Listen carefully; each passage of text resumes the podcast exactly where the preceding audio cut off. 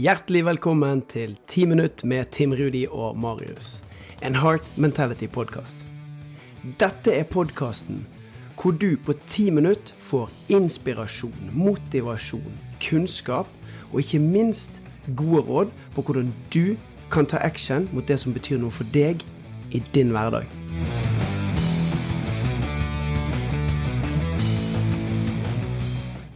Marius, Vanechallenge 22 er over. Og jeg tenkte at jeg skulle invitere deg til regnskapets time. Til eh, hvordan, hvordan det har vært for meg å faktisk spise min egen medisin og, og forsøke å bruke alle disse verktøyene som vi har tilbudt eh, gjennom våren. Er du klar? Ja, jeg er kjempeklar. når, når, vi begynte det programmet her, så spurte du meg ja, men hvis du skal gjøre det, du må jo være credible, du òg. Hva er det som er din Hva er den vanen du skal endre?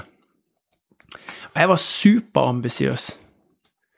Jeg har i hvert fall de siste tre-fire årene så har jeg hatt en drøm om å skape meg en time på morgenen som er bare Tim-tid. Veldig inspirert av mennesker som jeg både ser på sosiale medier, leser i bøker, sånn, inspirert av deg. Hvordan du har klart å skape deg disse her morgenrutinene som setter deg opp til en god dag. Så det var det som var min, mitt mål med denne vanechallengen. Ja, det var veldig spennende. Du gikk friskt ut, det er det lov å si. Eh, du satsa hardt med begge beina.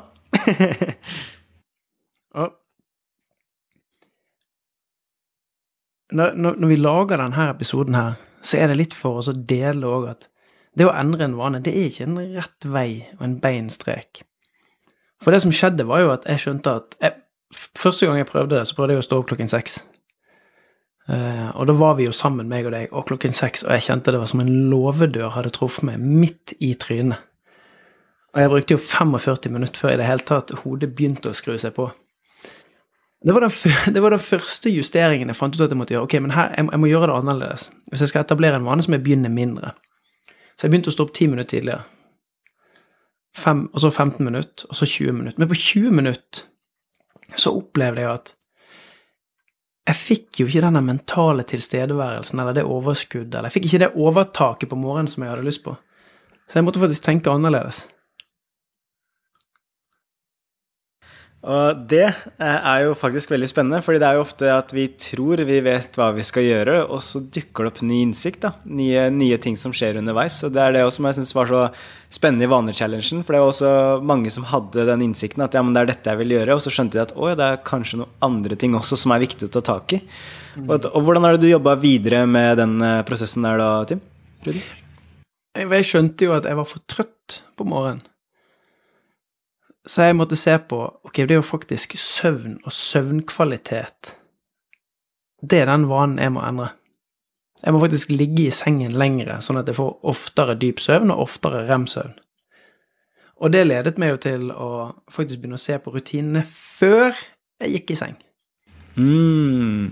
Uh, og faktisk en liten sånn fun fact. Det fikk meg òg til å se på kaffevanene mine, eller koffeinvanene mine. Oi, det her er spennende. Ja, og det, og den, men, det, men det er faktisk en liten bestanddel i det. Men jeg begynte å se på når er det jeg kjenner at jeg er urolig på kveldstid? Når er det jeg ikke kjenner at den her circadian rhythm, da, altså den indre klokken min, faktisk forteller meg at nå er det på tide å roe ned og gå i seng? Og det var veldig ofte når jeg hadde drukket kaffe for seint på ettermiddagen. Eh, og det var relativt enkelt for meg å, justere, så jeg drikker ikke så mye kaffe og koffein etter klokken er tolv. Uh, og det kommer en del sånn positive følgeeffekter av det, men det må vi ta litt seinere. Så i og med at jeg måtte jobbe med å skape bedre søvnrutiner, så måtte jeg også se på hva er det som foregår før jeg går og legger meg. Hva er det jeg gjør på på kvelden? Når er det jeg kjenner at den naturlige trøttheten setter seg?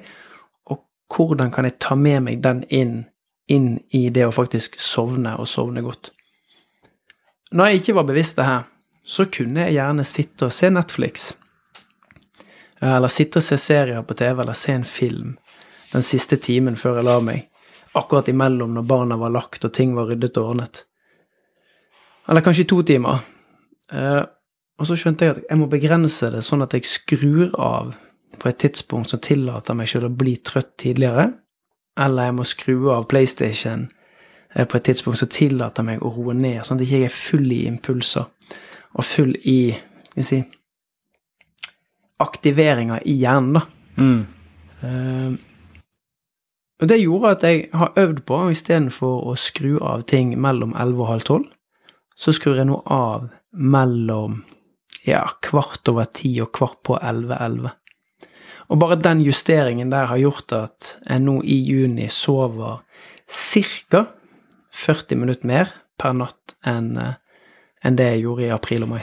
Wow. Altså, det er utrolig imponerende, og jeg tenker i hvert fall, uh, i hvert fall med den uh, tilgjengeligheten vi har på mobilen og sånne ting nå til dags, så syns jeg det der er en vane som kanskje er en av de mest hardcore og mest vanskelige å endre på.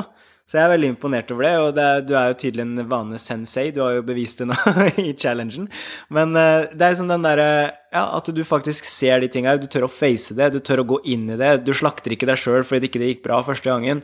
Du ble nysgjerrig, du fikk ny innsikt, og det førte til at du kunne ta nye valg, da. Og det syns jeg er så utrolig ja. imponerende. Men samtidig så må jeg være ærlig med deg, fordi at jeg dreiv og slaktet meg sjøl litt på enkelte tidspunkt. Eh, men jeg styrte det ikke. Så når jeg merket at jeg slaktet meg sjøl, så klarte jeg å dra meg ut av det. Men det er faktisk veldig viktig å, å, understreke at selv om jeg har brukt masse tid på å lære meg hvordan endre vaner, og selv om jeg har liksom denne logiske, kognitive bevisstheten rundt det, så blir jeg jo fanget av mine egne følelser. Og frustrasjonen og det her Men det funker ikke, jeg må gjøre noe annerledes. Og så tror jeg den viktigste læringen var at for meg så tar det tid å utforske mer enn bare det å implementere vanen. Når jeg, en så stor inngripen i hverdagen min har ikke jeg gjort på mange, mange år fra før tvillingene ble født. Og det å tørre å gå ifra denne der selvslakten da, til nysgjerrighet sånn at Hvor lang tid jeg bruker på den endringen, er det som er avgjørende. Og så forstå Ok, men kanskje jeg må gjøre dette annerledes. Kanskje jeg må gjøre dette annerledes. Og det er kanskje det som er mest kraftfullt der, at jeg føler at det er mine hender som er på rattet nå. Jeg føler at det er meg som bestemmer når jeg går og legger meg. Det er meg som ikke bestemmer når jeg står opp, da. Det er jo stort sett uh, skoletid og barna som bestemmer. Men jeg kan kontrollere det som skjer før jeg går i seng. Wow, det her, er, eh, det her er heftig. Og det var jo også gøy å se alle de deltakerne som var med også, som klarte å endre vaner på ja, morgenrutinen sin, på det at de begynte å lese mer, begynte med yoga, begynte å få inn de tinga her også. Så det er veldig kult å se da, at de strategiene her faktisk funker. Mm. Det er helt herlig. Så det som vi rett og slett eh, kommer til å gjøre nå Vi har jo lyst til å synes det var så gøy og lyst til å jobbe videre med det. Så hvis du kjenner at du også kunne tenke deg å jobbe med dine vaner, kjent på hvordan du kan lære deg nye strategier, så har vi også laga mulighet nå for å være med på en liten gruppecoaching i august. Så hvis du har lyst til å være med der, så har vi lagt ut et skjema. Der kan du fylle ut, og da kan du bli blant de første som får vite når det blir satt opp. Det er allerede noen som har meldt seg på fra challengen, så det er veldig gøy. Eh, og det er begrensa antall plasser, så sjekk det gjerne ut nå hvis du har lyst til å sikre deg plass. Og jeg i hvert fall da, drømmer om at flere skal oppleve den mestringa der, de gode følelsene, og den kjenne på at de faktisk kan gjøre de endringene de har lyst til å gjøre, og at ikke det er en rett linje, men at det er det kan være en bumpy road, men det kan bli mindre bumpy når du har de gode strategiene på plass. Ja, og så flytte oss ifra baksetet der vi opplever at det er noen andre som sitter med hendene på rattet i livet vårt, men der vi faktisk vet hvorfor vi gjør det vi gjør, kan se årsakene til det, og så kan gå inn og bare sette oss i førersetet og så gjøre endringene sjøl. Det er så vanvittig kraftfullt. Yes. Og jeg håper eh, Tim Rude, at du klapper deg selv på skuldra, for det her er utrolig bra jobba. Og så gleder jeg meg veldig mye til neste episode av, eh, av podkasten. Hei, vi snakkes.